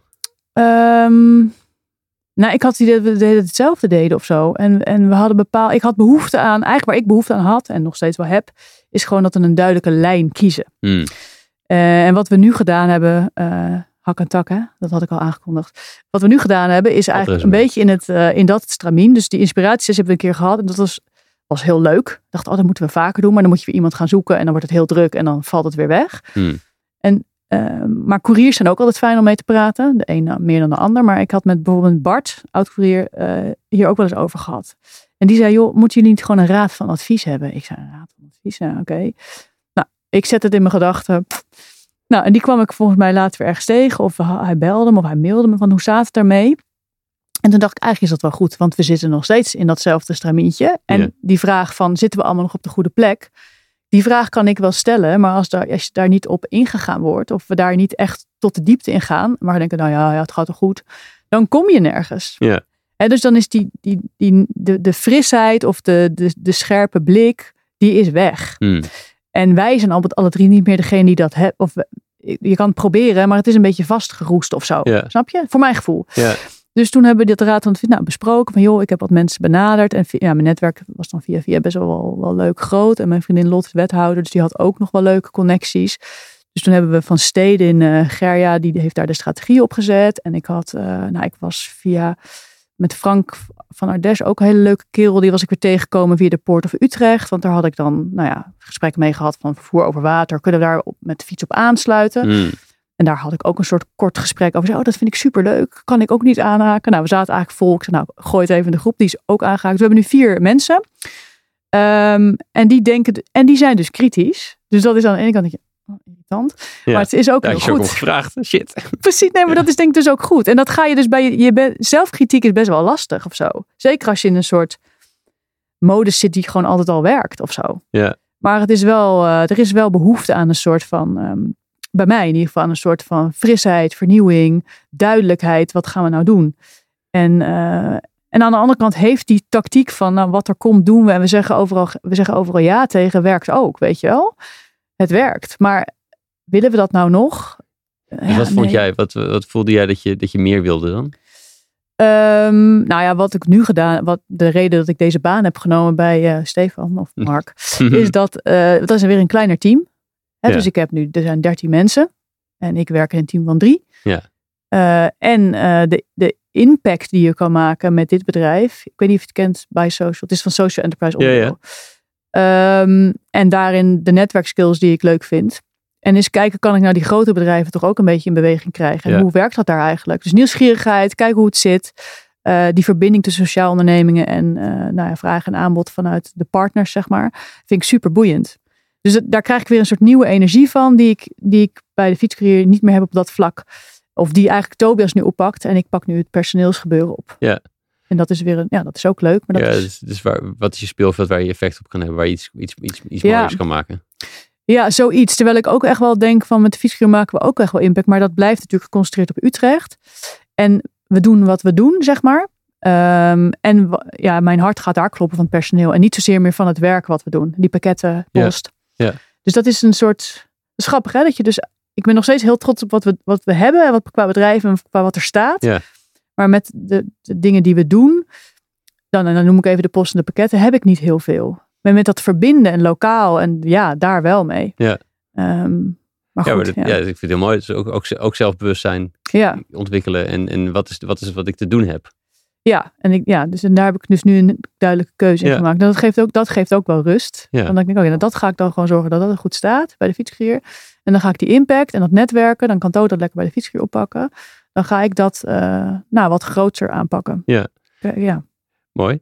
Hey, en ehm, ja, hoe, hoe zie je dat de komende jaren, of hoe hoop je dat het de komende paar Ja. jaar zich ontwikkelt? En wat hoop je te, voor elkaar te krijgen? Eh, en dan met de fietscourier denken. Ja, maar met beide, beide. Ja. ja. Ik zit Ja, met jou. ja, je zit bij mij, dat is waar. Ja. Dat is fijn inderdaad. Met wat ik, ja, ik, ehm, nou, wat ik mooi zou vinden is eh, voor mezelf eh, dat ik eh, me lekker voel in het werk wat ik doe. En ik merk nu dat op twee paarden is best lastig. Hè? Dus in principe loop ik, ga ik, doe, doe ik nu drie jaar dat werk wat ik bij, bij Social doe. Dat doe ik daar. Als, Ja. als iedereen tevreden blijft. Ja, ja. blijft. Ehm, ik merk dat ik daar heel veel energie van krijg. En aan de andere kant merk ik dat het me ook goed heeft gedaan om eh, wel bij de fietskeer te blijven, maar een soort, een soort afgebakend traject of iets te hebben. Ja. Dat geeft mij wat kaders, zeg maar. Ja. En ik vind het, dat is prettig, want dan kan je je daar volop focussen. Waardoor ik het andere een beetje los kan laten. Nou, daar twijfel ik dan wel in van ben ik dan nog echt vennootwaardig of zo. Hè? Want Mm. ik doe dan echt één ding. En dat zijn gesprekken die we dus ook aangaan met die raad van advies. Hè. Dus dat is niet voor niks dat ik dat benoem. Van zitten we allemaal nog op de juiste plek. Dat ik dat bespreekbaar wil hebben. Ja. En wat, missen we misschien iets? Eh, en moeten we dat dus zoeken? Dus ik wil eigenlijk, ik zou, heel, ik zou het heel mooi vinden als de Fietsclub Utrecht, wat mij betreft, blijft het zoals het nu is. Wordt het niet heel veel groter. Maar gaan we wel meer focussen op waar we echt blij van worden. En wat we, waar we trots op zijn of zo. Ja. En dat, nou, voor mij persoonlijk is dat dus niet per se het, het, het, eh, het bulkwerk. Ja, ja, ja, precies. Ehm, en ik zou het mooi vinden als we daar de, ballen voor hebben, de guts, om die keus te maken. Eh, of de keus niet te maken, maar dan in ieder geval wel overwogen. Ja. Zodat Ja, ja, ja, precies. En eh, ja, misschien ik ben ook gewoon benieuwd of qua fietscourier technisch, hoe, dat, hoe, wat, hoe je met het werk wat jullie doen, of vanuit, vanuit de positie die je hebt, hoe je die Ja. verbinding en die lokale verankering en dat, de connectie binnen, tussen mensen in de stad ehm, kan vergroten. Hoe zit, waar, zit, waar zitten daar nog kansen voor jouw gevoel? Nou, wat, kijk, wat je als couriersbedrijf eh, heel makkelijk kan doen, is gewoon eh, bij het afleveren een simpel contactmomentje. En dat is niet heel groot, hè? Maar het is wel eh, een momentje voor, voor de courier, maar ook voor de persoon die het krijgt, om gewoon heel eventjes menselijk contact te hebben. En dat is heel suf, maar heel veel mensen zitten alleen maar op die telefoon of hebben, zijn eenzaam. Nou, en dan heb ik daar zijn ook wel, heb ik ook wel gesprekken over gehad eh, rondom. Nou, de gemeente heeft natuurlijk een heel eenzaamheidstraject. Eh, daar ben ik toen wel eens bij betrokken. Maar dat is eigenlijk te groot voor wat wij kunnen. Ja. Want we zijn gewoon een couriersbedrijf. Ja, je kan, je kan niet, Ik kan niet- je kan wel van, in plaats nee. van, een minuut, van 0 1 minuut blijven staan, maar je kan niet naar, naar, Nee. naar een half uur blijven. Exact. Maar ik heb bijvoorbeeld wel gehad. Dat was toen deden we reden nog eh, voor uitgekookt. Dat, is een, dat klinkt heel vies, hè? Maar dat is een, ja, doorgekookt. Dat is een maaltijdenbox voor, eh, met kant-en-klaar maaltijden. Vaak voor oudere mensen. En die reden wij toen nog uit in de avonden. En op een gegeven moment kreeg ik toen wel couriers terug van elkaar. Ik, die, persoon waar ik dit af moet leveren, dat gaat niet goed volgens mij. Het, klinkt, Mm. het, voelt, het ruikt serieus als ontbinding. Nou, toen dacht ik, nu moet ik. En toen dacht ik, En dat is niet het eten dat je kan bezorgen. dat was niet het nee. Oh. Toen dacht ik, maar wie, weet je, wie moeten we dan hebben? Of, want die signaleringsfunctie, zo noemen we hem Ja. dan, die hebben we natuurlijk wel. En daar, dat vinden we prachtig om en ook goed om daar gebruik van te Ja. maken. Dus toen heb ik uiteindelijk maar de politie. Ik denk, ja, wat moet ik nou doen? Dus ik zeg, ik de politie bellen van ja, ik zeg nou, eh, dit is het geval. En toen bleek dat diegene al eh, onder, nou niet toezicht, maar daar kwamen regelmatig mensen checken.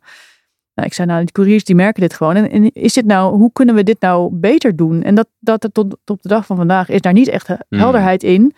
Maar ik weet wel, ik heb het bij de gemeente ook aangegeven. We moeten gewoon, het zou fijn zijn als er gewoon een nummer is of een mail waar we naartoe kunnen berichten van joh, we maken ons zorgen om die en die privacywet moeilijk. Maar ik denk ja, dat zou fijn zijn. Om, of om te kijken dat we kunnen zeggen ergens bij een eh, eh, vrijwilligerscentrale kunnen aankondigen. Joh, misschien die en die is langs gaan. Gewoon eens kijken hoe het gaat. Of die Ja. is vereenzaamt of het vervuilt. Want je ziet dat gewoon. Ja. En bij apotheken bijvoorbeeld kunnen we dat wel. Ja, Want dan kunnen we direct aan de apotheker terugkoppelen van joh, die en die. En die kennen zij, want zij hebben die patiëntgegevens. Even kijken. Of die is omgevallen terwijl ik de medicijnen. Weet je, er gebeuren dan dingen. Ja. Nou, ik denk dat dat is een stukje verbinding en zorg die je Ja. kan dragen. En aan de andere kant hebben we natuurlijk die posters. eh, dat is nu alweer een beetje uitgekakt natuurlijk. Eh, heel, god, hoe heette die posters nou? Met Nijntje erop en de Dom. Ja. Ehm, Ik heb nu heel Utrecht verbindt, maar zo heette het niet. Ik ben de slogan kwijt. Weet Ik jij nog? Het is te lang Ik geleden. weet het ook niet meer. Nee, dat was van Marije Leeuwens, heel leuke vrouw. Daar was ik volgens, hoe kwam dat nou toch? Ik kwam met haar in contact of via Peter van drukkerij Libertas. En toen zei ik, joh, zij drukte die dingen heel uh, cheapy peepy ergens eh, nou ja, online. Dus ik zat met Peter van drukkerij Libertas, waar we ook een leuke band mee hebben. Joh, is dat niet iets voor, voor jullie om te doen? Ja, superleuk. Dus die drukte dan meteen goed af. Nou, wij bij de bibliotheek moeten daar niet groot hangen. Wij ze rondbrengen, zij hij, drukken nou, en dat allemaal vertellen. Ja, dat was een hele mooie actie waarbij je verbindt. En dat is een kleine moeite relatief. Ja. Um, en dat ontstaat dan of zo. Um, en dat is, ja, dat is ook verbinding. Uh, nou, en daarna hebben we dat dan met Libertas Pascal nog wel verder proberen uit te werken. Van kunnen we daar meer mee? Maar dat is best wel lastig. Omdat je gewoon, zij zijn een drukkerij en wij zijn een fietscourierbedrijf. Ja. En we zijn niet een soort sociaal... Uh, maar we dachten wel, we kunnen af en toe eens kijken. Zijn er acties waar we op in kunnen grijpen met z'n tweeën? En we hebben bijvoorbeeld als twee bedrijven. En we hebben ook bijvoorbeeld ook vorig jaar de, de nieuwjaarsgeschenk hebben we dan gedaan met onze courier Carlos. Die heeft een oude, een oude hoerenboot, boot 122, een brouwerij heeft hij daar uh, van gemaakt. Oké, okay, ja. Bij de Nijverheid. Uh, ja, oké. Okay. Superleuk, uh, ja, een beetje Crea-Bea gebied, zeg maar. Ja. Die brouwt zijn eigen Duitse bieren. En uh, hij maakt ook een, uh, een, ja, het heet geen appellikeur, maar het is een soort, uh, er zit wel drank in. het smaakt naar appel, echt naar appelmoes, appelkneel. Het is heel lekker. Dus wij dachten, nou dat is wel leuk, dan doen we gewoon aan onze klanten. Toen zei ik tegen Peter van Libertas, van, joh, jouw klanten misschien ook leuk, laten we doen. Nou hebben we met z'n drieën even gezeten. En dan met z'n allen samen is leuker. Kwam toen dus omhoog. Dat Ja. is daar ontstaan. Nou, dan hebben we een kaartje geschreven aan al die eh, klanten. En dat rondgebracht. Dus het is, een, het is een klein gebaar. Waarbij we Carlos een beetje konden helpen. Want ja, we hadden dan, konden zijn eh, wat afnemen. Terwijl die dicht was door corona. En wij hadden een leuk cadeautje naar de klanten. En we hebben het samen gedaan. Ja. Ja, dat is super leuk. En dat geeft heel veel energie. Maar om dat echt helemaal uit te rollen is best wel lastig. Ja. Omdat je toch, je bent niet een bedrijf wat dat doet. Of een soort conceptontwikkeling doet. Eh, maar we staan daar wel heel erg achter en we werden er allebei blij van. Maar om dat helemaal rollend te krijgen is nog best wel lastig. Ja, ja, ja precies. En, en, en zulke ideeën passen ook er ook fijn bovenop soms. Als, omdat Soms je wel, wel ja. die basis van, van bezorgdiensten houdt of zo. Dus Ja, als dus je al rondrijdt, dan zijn sommige dingen er goed bij te doen. Precies, ja, ja klopt. Ja. We gaan een beetje naar afronding, denk ik. Heel Nou, leuk. Ja, Ehm, ik, ik, ik heb je van tevoren gevraagd, eh, wat zijn dingen die jou inspireren? Ja. ja. ik ga even mijn telefoon erbij pakken mensen. Dat jullie het weten. Slechte naam onthouden. ja, ja, ja. Eh, Soms zijn dat inderdaad boeken, soms zijn dat mensen, soms zijn dat eh, activiteiten of, of, of, of, of, een- of een tip in, in iets voor wat, je, wat je helpt in het, in het nou, in- gewoon leuk vindt of ondernemerschap. Ja, nou heel, even heel eh, concreet, want jij vroeg inderdaad van boeken, ja, nee. En toen dacht ik, ja, boeken op zich, af en toe komt er een boek langs dat ik denk, dat pakt me. Dus die heb ik even, Ja? uit, heb ik hier netjes staan. Maar wat mij vooral inspireert zijn gewoon de mensen met wie ik spreek. Dus nu Ja. een gesprek met jou, ja, nu heb je het vooral over mij gehad, maar ik ben dus ook wel nieuwsgierig naar jou. Gewoon nieuwsgierig zijn naar andere mensen. Ook binnen mijn, eh, binnen het bedrijf, de couriers waar ik mee spreek. Ja, dat is super. Daar krijg je soms hele frisse ideeën van. Gewoon door eh, te luisteren en een gesprek aan te gaan. En dat kan je natuurlijk willekeurig op straat ook doen. Dus ik denk dat daar komt mijn grootste inspiratie vandaan. Ook van eh, mede-ondernemers. Ik had gisteren dan Marieke Snoek van Cycloon dan weer even aan de lijn. Die natuurlijk een heel groot deel eh, die met bol.com zijn gaan eh, samenwerken. Ja. Ja, dat zijn hele, dat inspireert toch. En dan heb je het ook over dat stuk van, eh, ja, is het nou wel of niet goed dat greenwashen? hoe kun je nou impact bereiken binnen zo'n groot bedrijf? Nou, dat soort, dat zijn leuke gesprekken. Ehm, nou, bij, op mijn andere werk met partners met wie ik spreek, waar mensen tegenaan lopen. Dus dat inspireert heel veel. Ja. Ehm, een boek wat een collega mij aanraadde eh, was Waarom vrouwen minder verdienen en wat we eraan kunnen doen. Ah. In deze tijd van de Peters en de Petra's ja, ja, ja. is dat, vond ik dat wel goed. Ik dacht eerst, nou, ik weet niet wat ik daar nou voor vind. Maar dat leest heel lekker weg. dat En het is, en het is ook ja. best wel shocking in de zin van dat je dus, en ook ik zelf heb dat dus, dat je gewoon, eh, nou, dat merk je bijvoorbeeld bij sollicitaties of zo. Ja. Je hebt gewoon te maken met bias van jezelf. En eh, omdat heel veel mannen toch nog aan de, aan de top zitten. Eh, en ook, eh, nou ja, het, zeg maar het beeld of het, ehm, nou ja, de cultuur bepalen eigenlijk van bedrijven, eh, neig je toch snel naar dezelfde soort keuzes. Ja. En dat zijn dan meestal niet de vrouwen. Ehm, eh, zelfs bij gelijke beschikbaarheid, beschikbaar, of geschiktheid lijkt dat niet altijd zo te zijn. En goed, dat boek is dus interessant om te lezen. Dan kan je dat zelf je eigen mening over vormen. Ja, thanks. En uh, ik heb er nog, uh, mag ik er nog twee noemen? Zeker, ja, ja. ja. Dan moet ik even mijn andere lijstje De openen. tape is nog niet op. Gelukkig, hou vol, blijf draaien. uh, die had ik op de foto gezet, jongens, dit. Voorbereiding, jongens. Even kijken. Um, dat, is, dat is ook een beetje een boek wat interessant is en past bij mijn idee van dat mensen binnen je bedrijf maken je bedrijf. En er zit heel veel waarde in je mensen. En alleen maar op functies ja, schalen mm-hmm. of weten dat is een fantastisch en die kan het wel of niet. Maar gewoon mensen kansen geven is heel belangrijk. Dat boekje heet Voorbij het Meetbare van Margaret Hefferman. Ah, Heffernan. Okay. Ze, hebben ook, ze heeft ook TED Talks, dus je kan daar ook uh, opzoeken daarin. Margaret Heffernan. Margaret Heffernan. Ja, ja. En um, een ander boek, maar is meer een roman. Die kreeg ik van een koerier aangeraden. Ik dacht, ik ga weer eens wat meer lezen om mijn rust te vinden. en ik zei, heb jij nog een leuk boek? Uh, ik hoop dat ik het goed uitspreek. Het is een, uh, ik weet niet, ik denk een Marokkaanse schrijver. Ish uit Gamou. Het mooiste dat we delen. Het mooiste dat we delen. Ja, en dat is een, nou, het is, het is een aanrader omdat het, het gaat eigenlijk over uh, vooroordelen. En waar dat toe kan leiden. En ook wat dat aan beide kanten doet. Dus je Mm. krijgt een, een zicht in een uh, het, is een, het speelt een beetje in een uh, sociale achtergestelde buurt in, uh, in België. Uh, het, het, gaat een beetje rondom terrorisme en de verdenking van iemand op terrorisme Ja. en een slachtoffer van terrorisme. En die komen op een manier bij elkaar. En in hun bubbel om hun heen, uh, hoe dat werkt. En nou ja, liefde overwint. Hè? Dat is het eigenlijk uiteindelijk. Spoiler.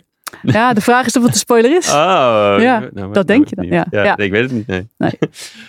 Mooi. Dankjewel voor die. En um, dankjewel voor het hele gesprek. Heel fijn. Ja. We kennen elkaar natuurlijk niet. Nee. En Het is super prettig om je zo te leren kennen. Leuk. Ja. Ehm, en nou, en, en de, de, de, de, het belang van de mens spat eruit, inderdaad. En de, en de, behoefte, en de behoefte om dingen aandachtig, of aandacht voor, de, voor die mensen te hebben. En de, de, de drive om, het ook, om ook iets goeds te doen met het werk. Uh, Ja. Helemaal over. Dankjewel daarvoor. Mooi. Fijn, fijn dat het overgekomen is. Dankjewel. Maar je hebt dat uh, knopje terug gedrukt waar, waar groot rek op staat. Ja, dat was hem alweer. Dankjewel voor het luisteren. Wil je zeker weten dat je de volgende aflevering ook vindt? Abonneer je dan op de podcast. Je weet hoe dat werkt in de app die je gebruikt. Weet ook dat ik van alle afleveringen uitgebreide show notes met de lessen en de links uit het interview maak. Deze vind je op www.studiogeorge.nl slash podcast. En ik ben heel benieuwd hoe je het gesprek vond. Waar kon je geen genoeg van krijgen of waar zou je meer van willen horen tijdens de gesprekken? E-mail me op tijmen.studiogeorge.nl Als laatste, na elk interview werk ik één inzicht uit in een korte blog. Die stuur ik met liefde naar je inbox, gepaard met wat links die me inspireerden die week. Meld je aan voor dit Espresso Shot strategie op www.studiogeorge.nl slash shots of strategy. Allemaal aan elkaar. Heb een goede dag en tot de volgende.